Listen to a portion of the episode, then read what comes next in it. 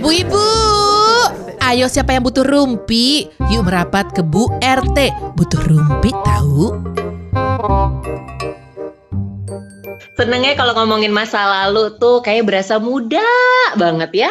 Eh masih muda kita deh. Ih, jangan bilang tua, lupa. Mohon Kita kan memang masih muda. Iya kan? Nanti semua kalau sudah yang eh, peraturan baru 40 li- di bawah 45 boleh kerja, kita semua eligible kan? Soalnya kayaknya pasanganku enggak. kita masih eligible kan? Masih, masih, masih. Tapi, tapi Kalau di umur ya. segitu, Heeh. kalau di umur segitu 45 tahun masih ada kita masih boleh kerja, aku pinginnya jadi ibu negara aja. Wah, Uh. oke banget tuh langsung ngambil ibu negara. Boleh? Boleh. Negara sendiri, negara sendiri. Oh oke, gue gue kepikiran kalau misalnya lo pengen jadi ibu negara ya Bunci, eh, Bunci ya, itu kayaknya, eh, aduh, beban lo banyak banget loh, lebih ke beban mental. Apakah lo akan selamat tiap malam, tidur lo akan bisa nyenyak tiap malam, tau gak? Kayaknya sih yang yang beban mental sih rakyat gue ya. Akan gue donder untuk pokoknya tidur jam segini, bangun jam segini gitu. Yang gue donder mereka. Dia jadi ibu negara ya susah banget kayaknya sih. Ah, Tapi ya Aduh, kalau gue lihat-lihat ya kemarin kan kita sempet ngobrol sama Sarinila ya kan. yes. Eh, yang berprofesi dulunya sebagai model, kemudian MC juga. Ambul kan juga ya, Nia kan juga gitu. Tapi awal mulanya apa sih model model dulu ya? Mm-mm, Betul. Hmm. Mod- Model terus eh habis itu menjadi polwan, polwan pernah ya waktu itu jadi polwan. Pernah, pernah juga, pernah. itu sebenarnya eh, kalau polwan itu adalah eh, keinginan kakak gue yang jadi polisi. Ah, serius lu pernah mau jadi Polwan polwan? aja deh, biar kamu jadi perempuan bener. Biar kamu jadi perempuan bener. Enggak, bercanda. Serius. Oh, gila. eh, tapi kalau kayak lu ya Nia ya eh, menjadi seorang model itu karena memang lo submit foto misalnya ke majalah-majalah zaman dulu Hmm. atau eh, kayak yang gue sering dengar kabarnya tuh you were discovered by gitu misalnya lagi ngantri Ah. di mana tiba-tiba ada yang ih kamu pernah tertarik jadi model ini kartu nama saya gitu kayak di film-film. Ah. Oh, kalau gue sih kayaknya basicnya itu awalnya nganterin temen. Nah, Oh. standar ya, nganterin Mhm. teman, nganterin teman, udah gitu. eh eh, ini model yang profesional atau model dari kecil nih? Oh, profesional juga? kecil? Enggak, soalnya Oh. kalau ngomongin permodelan sebenarnya eh, untuk jadi seorang model itu ambisi nyokap. Ambisi Oh, nyokap yang dilarang oke. oleh eyang gue. Jadi eyang gue tuh nggak ngebolehin eh, nyokap jadi model model. akhirnya gue lahir wah ini nih akan ku akan ku ini ya akan ku berikan semua eh, ambisiku kepada anakku yang bungsu ini akhirnya dari TK gue udah dipaksa tuh ikut-ikutan lomba dari Oh, nangis nangis gitu. Tapi itu akhirnya dia. pas udah pas udah akhirnya mendalami sebagai profesional menikmati juga toh. Nah, awalnya sih gue nggak menikmati sama sekali ketika TK sampai SMA itu kan disuruh ikut lomba, disuruh apa gitu. Gue tuh nggak suka Oh, sama sekali karena eh, ngerasa apaan sih ini kan bukan passion gue pada ma- pada masanya ya. Karena kan pengennya Mm-mm. main, sedangkan itu kayak harus di make upin, didananin kan malu gitu kan. Nah, Iya. tapi Tadi bilangnya gini, bukan sesuai passion gue. Kan pengennya main, kirain passionnya udah ada gitu ya. Jadi apa gitu. Enggak, ini passionnya masih pengen main, Main. Gitu ya. Cara main. ya namanya juga anak SMP dan SMA pada Iya, umurnya iya, ya, iya, pada iya. pada zamannya. Nah ya udah begitu akhirnya pas udah pindah ke Bandung sendiri nganter-nganter temen, mulai tuh ada satu di, ada di satu desainer yang melirik gitu kan. Eh, Hmm. kamu cobain aja ikut gitu. Namanya Malik Mustaram. Akhirnya ya Oh, Ya. apa kabar Malik? Ya ampun. baik, kayaknya baik sih masih di Bandung ya. Dia yang menemukan aku. Tapi kalau yang terjun serius banget ke dunia modeling itu ya pas wajah Femina mulai tahun 2004. Hmm. Nah, kalau itu lucu lagi kejadiannya. Kalau itu Oke. adalah dikirimin fotonya sama mantan. Jadi mantan Oke. ngirimin foto nggak bilang-bilang gitu. Oh. Didaftarin. Hmm, mantan ngedaftarin, tiba-tiba dipanggil, eh kamu anak Oh. belum besar, hah gitu kan? Ini ini ini yang ini ya, yang Abah ya. Apa bukan? Oh, bukan. Abang nggak ada gunanya, nggak usah. Kok gak ada gunanya? Nggak usah, nggak usah. Itu mah nggak ada gunanya. Ya udahlah, dia cuma Cuma ninggalin gue untuk perempuan yang lebih kaya kan. Oh. Tapi kan dia meninggalkan Hmm. legacy dengan nama ambunya jadinya. Hmm, Iya sih. Ya itu seperti Iya, itulah. terus, akhirnya mulai ternyata oh gue suka dan ternyata nyokap tuh Hmm. bener ya. Nyokap melihat ada bakat itu Potensi.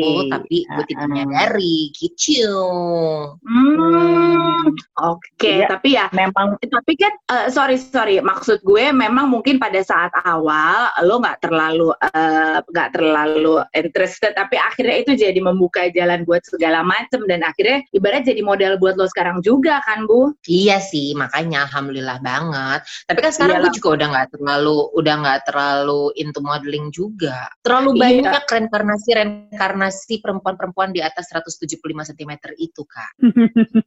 Jadi ambisimu, kita semua. memang lo lo sudah tidak lo sudah tidak mendalami sih cuma kalau gue lihat di Instagram feed lo yang terakhir di mana kita kan tetangga ya dinding lu kan sama persis sama dinding gua. Kok lu foto depan dinding cakep banget? Gue foto depan dinding segala macam angle kok ya damu gue lihat feed lo hah yang lo pakai masker ini ini gue tahu dindingnya. Ini sama dindingnya di aci ini sama. Terus gue begitu dibilang sama kantor ayo bikin foto eh ayo bikin thank you buat eh, cake ini ini. Oke gue bercoba di depan dinding. Kok gue jelek? Kok gue berbeda yang salah dindingnya sama. Yang salah dindingnya. Tenang aja, yang salah dindingnya kok. Tenang aja, Mami. angle-nya dia cakep banget. Berarti emang memang mau nggak mau kepake. Memang. Jadi emang it's, uh, uh, secara tidak langsung modeling itu shape your career dan juga jadi base lo untuk ngapa-ngapain Iya sih, dan gue ngerasa memang kalau model yang angkatan-angkatan dulu gitu ya, maksudnya angkatan sebelum-sebelum gue tuh ya, itu tuh terasa lebih profesional daripada model zaman sekarang. Menurut gue, menurut gue. Ya. Seperti kita bahas kemarin yang sama Sarinila itu kan, sama Mbak Sarinila Mhm. kan, mereka tuh kayak effortnya tuh parah banget gitu loh untuk urusan modeling. Dan kayaknya Yes. lebih disiplin ya, disiplinnya tuh kuat banget ya. Oh, ya, parah. kayaknya ya. Dan makanya sekarang nih biar kita lebih tuntas lagi mengupasnya kita ngobrol sama bener-bener model dari zaman itu yang memang a professional model gimana, Bu? Dan beberapa kali muncul di sampul eh, aja gitu, bolak-balik aja gitu munculnya. Boleh. Bu, Siapa nih kita Mau ngobrol siapa? Mari kita undang.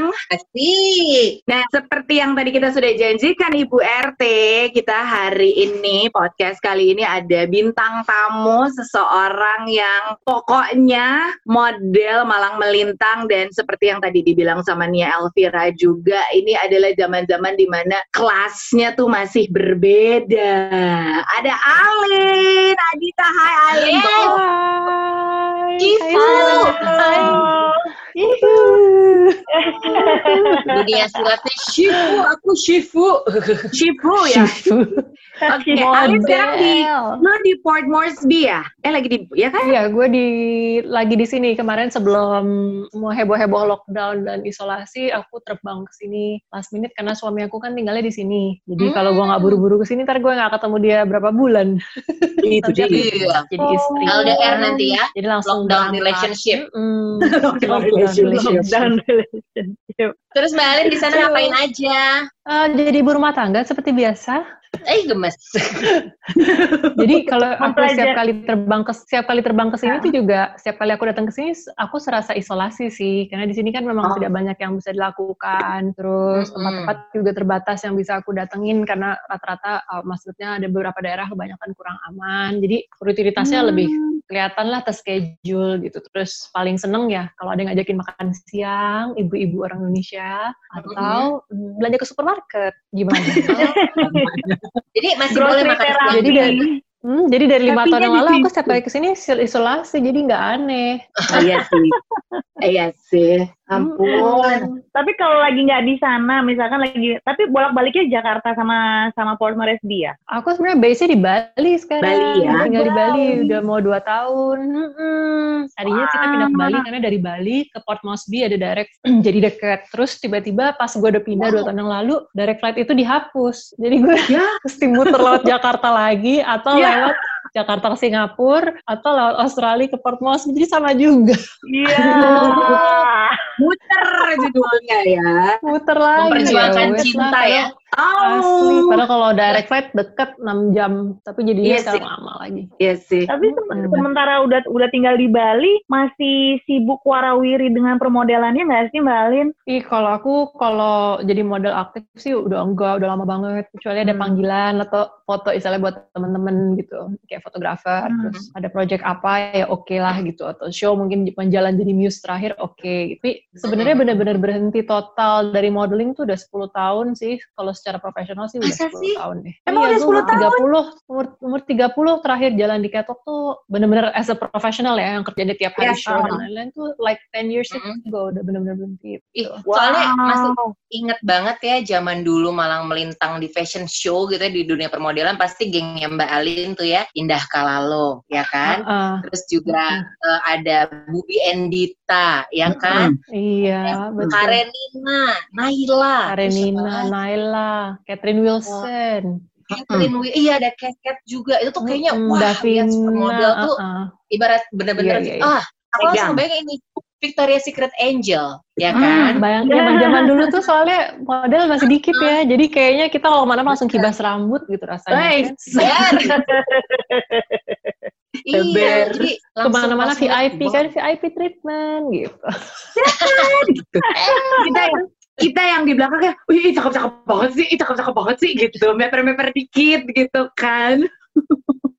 tapi tapi nah Alin, apakah karena memang zaman dulu lebih sedikit dan zaman dulu lebih eh, ibaratnya lebih eksklusif dan lebih pilihan, akhirnya membuat kalian long lasting karena memang jadinya lebih disiplin. Kalau zaman dulu tuh kayak apa sih Alin? Kalau menurut aku emang zaman dulu eh, cari perempuan Indonesia atau juga yang mix yang Indo-Indo yang tinggi-tinggi itu terus terang emang agak jarang gitu kan. Jadi setiap kali ada yang putih dikit atau oriental look dikit atau Indonesia tapi unik kurus dikit, tulangnya high cheekbone dan lain-lain pasti langsung ngetop jadi supermodel gitu. Karena persaingannya emang jarang. Terus udah gitu model internasional kan dulu nggak ada di Indonesia ya. Model bule-bule itu mana ada. Kan baru Iya. hmm, mungkin 8 tahun terakhir lah ya, hampir 10 tahun terakhir itu Mhm. deh. Tapi awal-awal kan nggak ada model luar negeri masuk ke kita. Jadi model lokal tuh memang berjaya banget gitu. Iya. Dan dulu tuh orang biasa tuh, eh dulu tuh model tuh dikenal sama orang-orang biasa. Maksudnya orang umum tuh kenal model gitu. Kalau sekarang mereka Iya, nggak tahu iya, iya. model siapa, Hah? Gitu. Iya. Iya.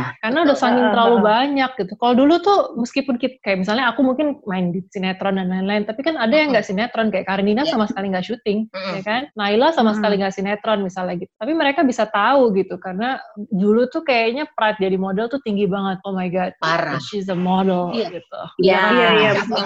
begitu. Dan medianya Apalagi juga masih Dan dulu juga ya. attitude, dulu juga attitude-nya agak beda kan. Maksudnya kayak, oh I'm a model gitu. Jalan Mhm. ke mana-mana kayak, oh semua orang liatin gitu. Setiap hari catwalk. Kalau sekarang model-model lebih sekarang kan on duduknya di bawah. ya. Kayak Nah, tuh. ngemper gitu kan. Terus yang cuek aja, terserah gitu. Mereka lebih nganggep, ya model emang kerjaan aja sih. Bukan memang my lifestyle gitu. Jadi kayaknya emang dunianya beda sih dulu sama sekarang. Iya. Hmm. Aku tuh inget banget, jadi Mbak Alin itu kan zaman dulu sering banget tuh show di Bandung juga kan. Mm-mm. Nah, kadang-kadang kalau waktu Hmm. fashion show di Bandung tuh biasanya kadang-kadang suka agak-agak uh, roadshow juga, misalnya uh, siang atau sorenya show APPMI gitu kan. Tapi mumpung lagi di Bandung, Mm-mm. malamnya show di Amare. Ingat Amare nggak sih? Emang. ya kan? Terus Nah, namu itu dulu di radio di radio juga gitu kan pagi. iya, iya kan. Biasanya begitu kan. Terus eh keliat- semua orang tuh kayak tahu, wah itu tuh eh, ntar nih fashion show-nya itu nanti bakal ada lima muse gitu kan. Lima muse ya itu Alin Adita, Indah Kalalo dan semua tuh orang tuh udah kayaknya, wow ini nih Wow, bentuk nunggu, supermodel sesungguhnya gitu loh. Udah benar, emang special treatment banget. Udah punya table sendiri gitu ya. Heeh, Terus ya Jill, ya. Mm-mm. Iya. Gue kan di belakangnya. gue Iya, makanya. gue geng bodyguard. Pokoknya tapi gue ngikut. Ah, gitu. Kita party goers ya juga ya. Ember, kita party goersnya. Masuk sama siapa? Alin. Gitu. iya Sebut nama Alin semua selesai. selesai, selesai. Tapi kan memang mungkin juga karena secara disiplin seperti yang tadi Alin bilang, uh, you embody the lifestyle, lifestyle-nya ngikut gitu. Jadi orang ngelihatnya juga berbeda karena ya nggak sih Alin itulah perbedaannya dengan sekarang yang di mana mungkin sekarang dilihatnya juga it's just another job, it's just another photo shoot. Akhirnya nggak Iya, terlalu berkibar betul. gitu. Mm-mm. Ada sih yang mungkin menonjol, tapi juga menurut aku perbedaannya ya Jill ya. Model-model zaman dulu nih karena emang topiknya pas banget nih model pada eranya plus party goers. Model-model zaman dulu tuh party goers banget loh. Hmm. Kita selalu jadi host host brand-brand entah dari minuman, entah dari klubnya sendiri, entah apa pokoknya kita tuh nge-host kerjaannya. Termasuk gue suka ngurus anak-anak host-host juga. Kalau model-model sekarang they don't they don't party, they don't go out much. Mereka lebih santai gitu, chill aja, ke bar aja gitu. Kayaknya emang Iya. semuanya berubah gitu. Kalau dulu kan makanya orang-orang bisa kenal kita di daerah, uh, soalnya abis Karena- show, ya itu langsung nyambung nge-host di Amare, ya kan? Ya, Host di mana? bisa di, gitu. bisa dibilang Is. double double job juga jadi influencer ya zaman dulu ya Iya. udah Zaman dulu, Zaman iya bener, influencer bener. ya. Iya betul. Iya. tapi tapi dengan segala lifestyle-nya kemudian juga dengan orang-orang yang banyak yang memang memandang pride-nya tuh eh, cakep banget deh jadi seorang model pernah men- mendapat perlakuan yang gak enak gak sih Malin selama lagi show atau lagi event gitu atau lagi party Eh, kalau aku sendiri sih nggak pernah ya. Mungkin kalau Mhm. misalnya kadang-kadang show di klub gitu ya, itu kayak udah resiko sih. Kadang-kadang kan yang datang juga mungkin nggak 100% masih pada sadar ya gitu. Iya. Jam-jam tertentu mungkin sudah under eh, apa influence yang lain. Jadi mungkin kadang-kadang bisa ada yang berani atau ada yang kita show pengen nyoba megang atau apa kayak Ah. let things Mhm. happen gitu. Tapi buat aku ya itu bisa di diatasi dengan biasa aja sih. Maksudnya bisa dengan ya tergantung skalanya. Kalau masih gimana ya masih bisa dibilangin. Kalau enggak diteplak aja. Tapi kalau gue sendiri nggak pernah. Oh, oh. nggak Iya pernah kan? dapat perlakuan yang aneh-aneh Iya. atau nggak mengenakan sih nggak ada. Kayaknya emang bawaan orangnya kali ya, agak galak Iya juga dulu. sih. Jadi mau nyoba aneh-aneh juga orang nggak berani. Gak berani. dulu kok Tapi kalau sekarang udah Iya. nggak terlalu ya udah nggak terlalu galak ya, sekarang enggak. Tapi ini ya, Alin ke ke klubnya full makeup dan high heels ya. Tergantung sih klub yang mana dulu. Oh, bagus. Bagus. Maaf maaf tergantung Oh, jam yang- berapa. Iya. Tergantung jam berapa. perlu Kalau udah pegal, sama gitu ya Nggak perlu pakai high heels, nggak perlu. Karena toh di jam tertentu semua orang minta maaf sama kita, kita juga minta maaf sama orang tersebut. Balin, penasaran deh, pernah catfight nggak sih di backstage? Oh pernah. Nggak pernah nggak? Ih, namanya model gitu Iya, nggak pasti iya, kan iya, semua. Tapi itu cerita masa lalu, Ci. Jadi ya dong nggak apa-apa dong berhubungannya sama mantan lah gitu. Eh, Ah, oke. eh, si sama teman model ini nih mulai dari backstage di atas stage pokoknya kerjaannya nyelengkat terus nabrakin badan dan lain-lain gitu. Cuman waktu itu aku pikir hmm, kalau aku tanggepin pasti seneng nih gitu. Soalnya tadinya kita sahabatan banget kan. Aku bilang kalau kita aku tanggepin Iya. pasti dia bahagia banget karena aku tanggepin gitu. Jadi Mm-mm. akhirnya aku nggak kasih angin. Maksudnya aku diem aja. Bukan berarti diem terus aku bersedia untuk dibully gitu. Tapi berarti aku Ya. diem dan menganggap eh, kejadian itu nggak ada, ini orang nggak ada gitu. Jadi dianya malah makin jadi-jadi. Cuman itu juga Hmm. nunjukin ke orang-orang kalau hmm, I don't play her games gitu at that time. Yes. Karena dia, wah mancingnya gila-gilaan sih, bener-bener yang, bener-bener, kan kalau Keto kan gitu kan, pada belakang Ah. ini kan dia bener-bener nabrak, di belakang nyelengkat kaki, pokoknya yang hancur banget deh. Itu lumayan sih gimana tuh? beberapa beberapa lama. Akhirnya dia berhenti sendiri, ya habis gimana nggak ditanggepin kan, jadi dia diem aja. Iya sih. Sabar banget ya jatuh, Bu. Nggak dilayanin juga ya. Karena nggak dilayanin, kalau kalau sekali misalnya kenapa loh gitu, begitu ya, wah pasti pecah nih. Jadi ini. Model-model emang seneng banget berantem-berantem gara-gara cowok, apalagi kan kalau buat aku nggak penting lah. Ah. eh luar biasa banget. Janjian nggak? Ayo kita boleh berantem, tapi naik down ya, naik up jangan dikutak atik. Karena ini aset. Aset nih, Berantemnya sini aja ke bawah. Ini jangan diapa-apain. yang aku kesel itu Ini kan besok peristiwa itu lumayan asli ini peristiwa itu kan lumayan lama jadi koreografer gitu-gitu kan tahu semua orang-orang itu Heeh. tahu Ah, biasanya mereka tuh pada pinter. Sequence gue tuh nggak pernah abis dia gue atau abis gue dia tuh nggak Ah. Ya, selalu ya, jauh. ya. satu Mm-mm. saat ada satu koreografer lupa. Depan belakang depan belakang kok sequence yang sama dia.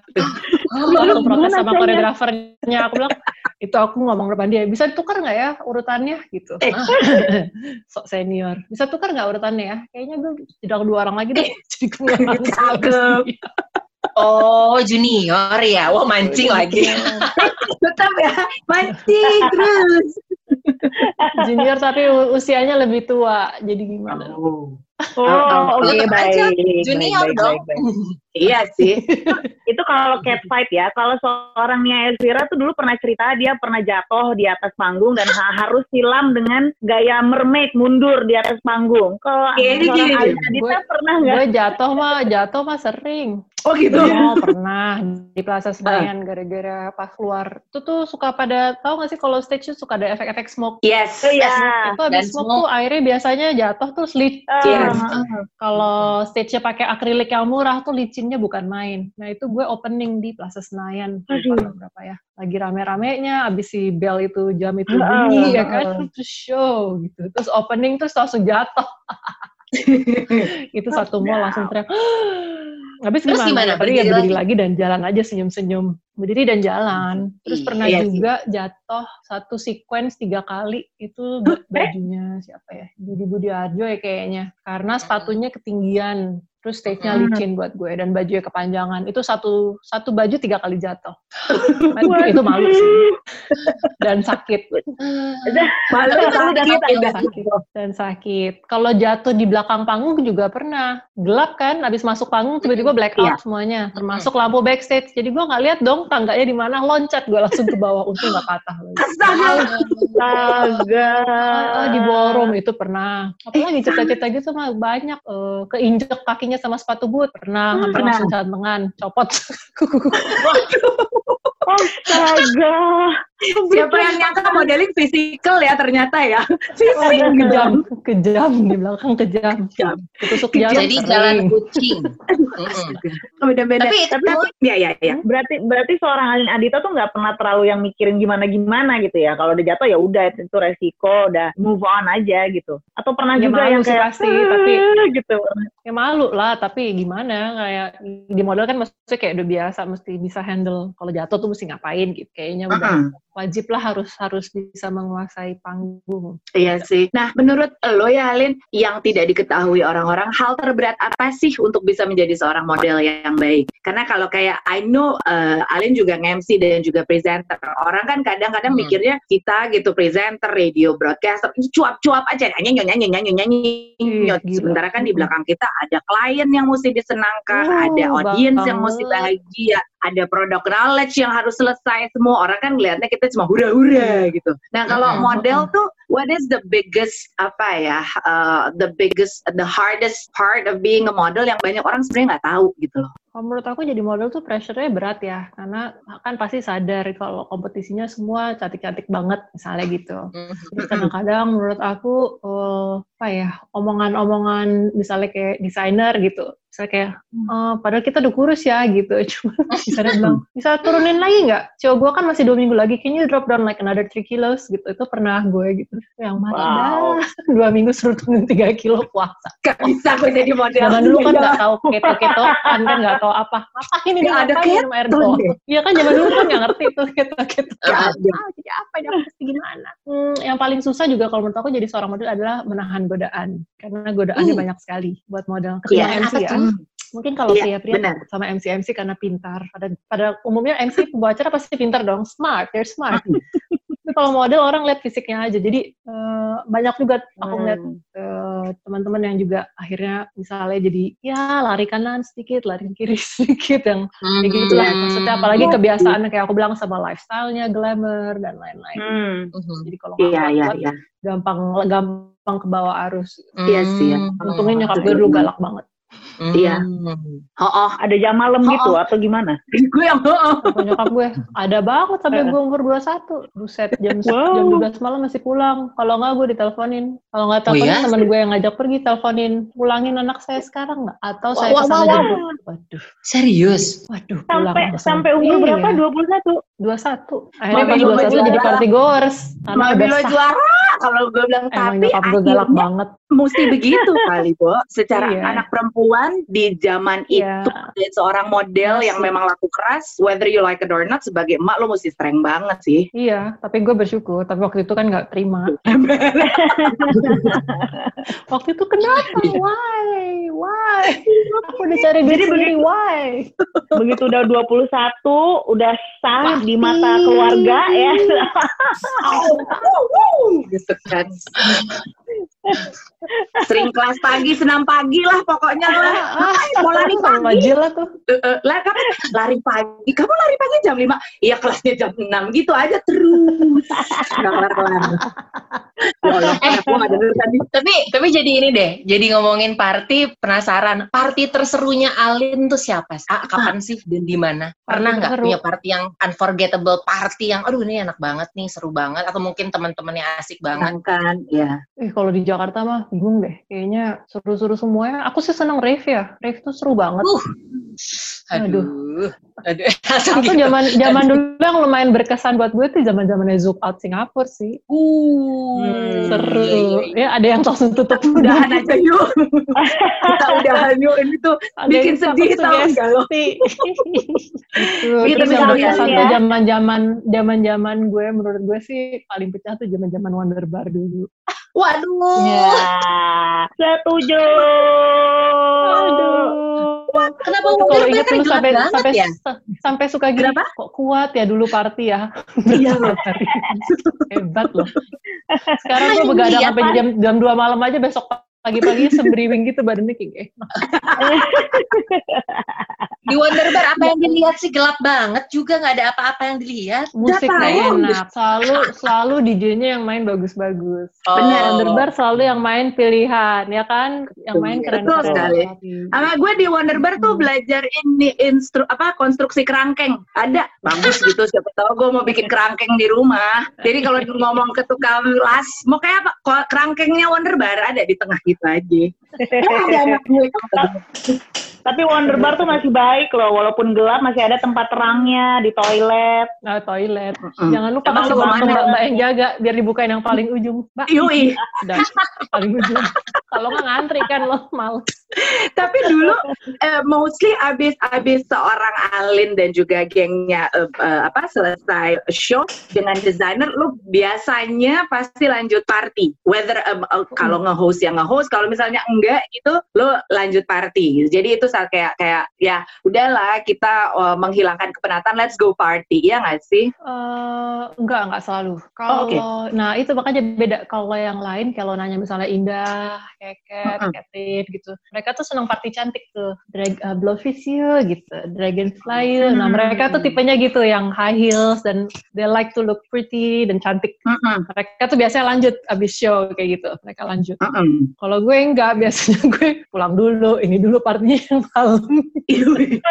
Partinya yang pakai cap gitu loh. Mm-mm. Kecuali aku mesti nge-host di DF, ya oke lah gitu. Kalau nggak, sneakersan partinya. Keluar lagi Agak jam berbeza. gitu ya. Agak berbeza. agak berbeda. Model-model tomboy berbeda. begitu di di ini ya di Ah, ah, dance party ya. Iya iya iya. iya. Astaga. Tapi ya Gitu. speaking nah, speaking tadi kita sempat ngobrol sama sama produser kita. Kalau kenyataannya sekarang ini bener nggak sih Alin kalau model model tuh udah nggak terlalu banyak yang di majalah, tidak seperti zaman dulu. Zaman dulu kan kalau Oh, seorang iya. model jadi eh, cover itu tuh udah Mhm. luma- luar biasa banget. Sekarang kan apa-apa semua lebih banyak model social media. Do you agree or not? Digital. Mm-mm. Iya, emang sekarang juga majalah juga bukannya udah banyak yang tutup dan mereka beralih ke Ya. online ya, lebih ke online Digital ya. ya. Menurut gue sih digital gitu, sorry dia di digital. Em, agak sedih sih ya, kalau dulu kan emang kebanggaan kita di foto Ya, Uh, mulai dari Betul. editorial, mulai dari ada advertorial juga, sampai misalnya jadi cover atau di feature di majalah-majalah tertentu kan kayaknya oh my god, pegang Mm-mm. printannya itu loh. Gue aja Mm-mm. masih nyimpen Iya. semua file-file ada satu box gitu Wow. majalah kayak ya maksudnya kayak kebanggaan aja gitu Iya. kan, seneng dibuka-buka gitu. Kalau sekarang ya memang nggak ada. Semuanya Iya sih ya. digital, kebanyak kebanyakan ya digital memang. Memang eranya udah ke sana gimana dong?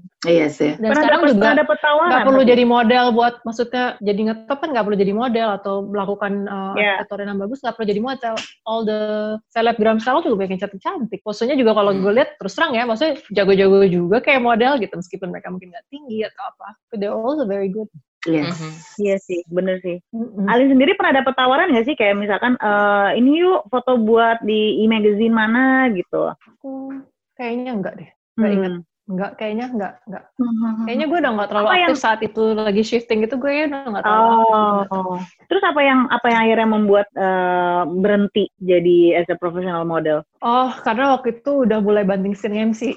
Ya. Ah. Duitnya lebih gede ya. Eh, awalnya sebenarnya gara-gara dapat acara TV kan, lumayan sering nge-host, nge-host, nge-host di Heeh. Trans dulu lumayan banyak banget. Oh, ternyata berarti bisa kayaknya nge-MC ya gitu kan. Jadi host TV sering banget buat acara lepasan sama reguler. Oke gitu, kalau orang percaya I'll try deh gitu. Dan emang aku orangnya lumayan mempersiapkan karena aku lihat banyak juga dulu waktu aku masih modeling, senior-senior aku umurnya udah 36, 37, mereka masih nunggu di backstage, ya kan. Iya. Model kan capek tuh seharian, Mm-mm. gitu-gitu aja gitu. Menurut gue kayak hmm, kurang ada peningkatan ya gitu. Hmm. Habis ini mau ngapain gitu. Kecuali memang merit terus ya memang jadi ibu rumah tangga itu beda. Tapi menurut aku kalau cuma jadi model aja sampai 37 terus sampai akhirnya mulai nggak laku pelan-pelan tuh kayaknya sedih sih. Jadi Yes. di saat aku umur 3 mau umur 30 aku memang banting setir. Tawaran aku yang aku terima cuma yang benar-benar show besar atau jadi muse doang atau kalau foto ya oke kalau seru-seru oke. Tapi show-show di mall, show apa aku udah nggak ngambil. Aku bilang enggak deh, enggak deh gitu. Hmm. Mama aku sempet ngomel-ngomel juga sih kayak kenapa kamu nolak rezeki gini-gini enggak aku bilang aku nggak mau nge-rebranding aku sendiri gitu Iya. kayak orang image-nya berubah pelan-pelan dari cuman model sekarang dia bisa MC loh gitu Eh, Iya. cukup dan terkonsep rasanya sih waktu itu ya. bangga dan seneng banget Heeh, bangga dan seneng banget dari yang biasanya show terus tiba-tiba gue jadi MC-nya di fashion show itu gitu Ya. That is a that is a really proud moment for me, like Yes. a big achievement kan. Terus Yeah. model-model yang lain ngeliatin gitu, kalau bisa ya gini-gini gitu. Ingat ya? Pertama kali MC-in. Iya. Di pertama kali Plaza Senayan. fashion show. Mm-mm. di Plaza Senayan, pembukaan Mm-mm. tokonya 18 Ekner. Salah pula nyebutin Uh. nama klien. Oh ya. Udah Yang pertama sampai. Si kerjaan ke aku almarhum almarhum Kang Indra Safera dulu yang pertama kali. Aku lupa. Oh. Kayak itu sakit perutnya, amit amit. Namun aku nggak pernah ngerasa kayak gitu. Aku bilang aku kayaknya pengen cancel aja deh di mall loh, di tengah-tengah atrium pertama kali. Oh my God. Mm-mm. Tapi Kang Indra waktu itu bilang bisa, bisa, bisa, bisa, baca lagi, baca lagi bisa. Jadi dia yang support tuh waktu itu. Aku bilang oke lah, kita coba. Dan akhirnya berhasil Akhirnya bisa. Berhasil meskipun salah sebut nama klien ya, diomelin juga. Diomelin juga. Kliennya Diomelin lah ditegur gue. Orang nama orang Perancis ada dua nama, yang mestinya satunya apa marketing directornya, satunya apanya ketuker sama gue namanya. Habis dikasih event pertama bahasa Inggris, terus kliennya bule pula gue yang kayak, oh my god, oh my god. Tapi selanjutnya belajarnya otodidak ya berarti ya? Dulu otodidak, cuma ngeliatin senior-senior aja. Dulu yang banyak bantuin tuh kayak Om, Pa- eh, Om Farhan, tuh baik tuh bantuin. Ferdi, Hmm. tuh dia ngebimbing cara baca skrip tuh gimana, mesti gini-gini tuh baik banget. Tendi juga, dia juga baik banget. Iya sih. Belajarnya Ya. juga dari yang cihui-cihui ya. Asli. Iya, cuman kan aku sadar Legend diri ya. ya, aku bukan yang tipe ngelucu-ngelucu, jadi I'm not trying to be like Indi, gitu, karena gue bukan bisa ngebawel, cuman oh caranya gini gitu, maksudnya adalah pasti tips-tipsnya bisa diambil dari senior-senior. Yes, itu dia dan Tapi Akhirnya- the root ya. itu dia Iya. sekarang itu udah udah akhirnya switching uh, seorang Alin dari model yang kemudian menjadi host kemudian menjadi presenter kemudian menjadi MC you go smoothly dan akhirnya orang ngeliat oke Alin tuh uh, mukanya nggak cuma sebagai model tapi punya yang lain-lainnya gitu loh dan berhasil Iya, meskipun awalnya emang agak susah sih ngerakinin klien, eh, bisa nggak sih gitu kan? Takutnya gitu, bisa nggak sih? Karena zaman dulu nggak banyak model jadi MC loh. Pada Mm-mm. saat aku mulai tuh cuma ada Caroline Zakri, yang juga sama. Mhm. Eranya tuh agak agak lari ke situ juga sama Isabel Yahya zaman dulu, Abel. Mm-mm. Which is all my senior kan. Mereka juga sama tuh mulai pindah pelan-pelan. Oh, iya sih shifting ya au Iya, au iya. au wah luar biasa Seru ya, mengingat-ingat lagi zaman-zaman itu. balik. Diajakin, Heeh, diajakin ngobrol gitu, senang. Eh, ini sebelum kita pamit ya, pengen nah, ini dong kasih tahu sama Bu RT nih. Mungkin Bu RT yang dengerin kita mungkin ada yang seumuran sama kita, ada mungkin yang di bawah kita. Gimana sih caranya untuk meyakinkan Bu RT tuh untuk bisa eh, achieve your dream di usia berapapun gitu? yes I think you have to know what your passion is dulu sih, gitu. Sebelum trying to Hmm. achieve the dream, harus tahu passionnya sebenarnya apa, gitu. Kayaknya kalau kita ngerjain sesuatu yang passion, uh, seberapa berat rintangannya pasti kita akan bela-belain. And also, uh, komitmen dalam usahanya, karena biasanya orang gampang banget udah menyerah, misalnya kayak, wah, gagal sekali, atau gagal dua kali, atau kena komplain, atau apalah kalau yang berhubungan sama dunia aku, langsung berkecil hati. Kalau menurut aku sih harus tetap komit, and belajar terus, karena sekarang justru saatnya paling paling untuk belajar tentang apa pun juga. What it is your passion and your dreams untuk bisa jadi lebih profesional dan lebih baik dari orang lain. Iya, insightful Betul. banget. Passion. Terima kasih? Balin. Stay safe Sama-sama, ya di terima sana. kasih semuanya. Thank Terima you kasih ya. banyak. Salam buat keluarga. Stay Thank safe. you. Thank you. Bye bye. Siapa bilang Rumpi nggak ada faedahnya? Tungguin Bu RT selanjutnya ya.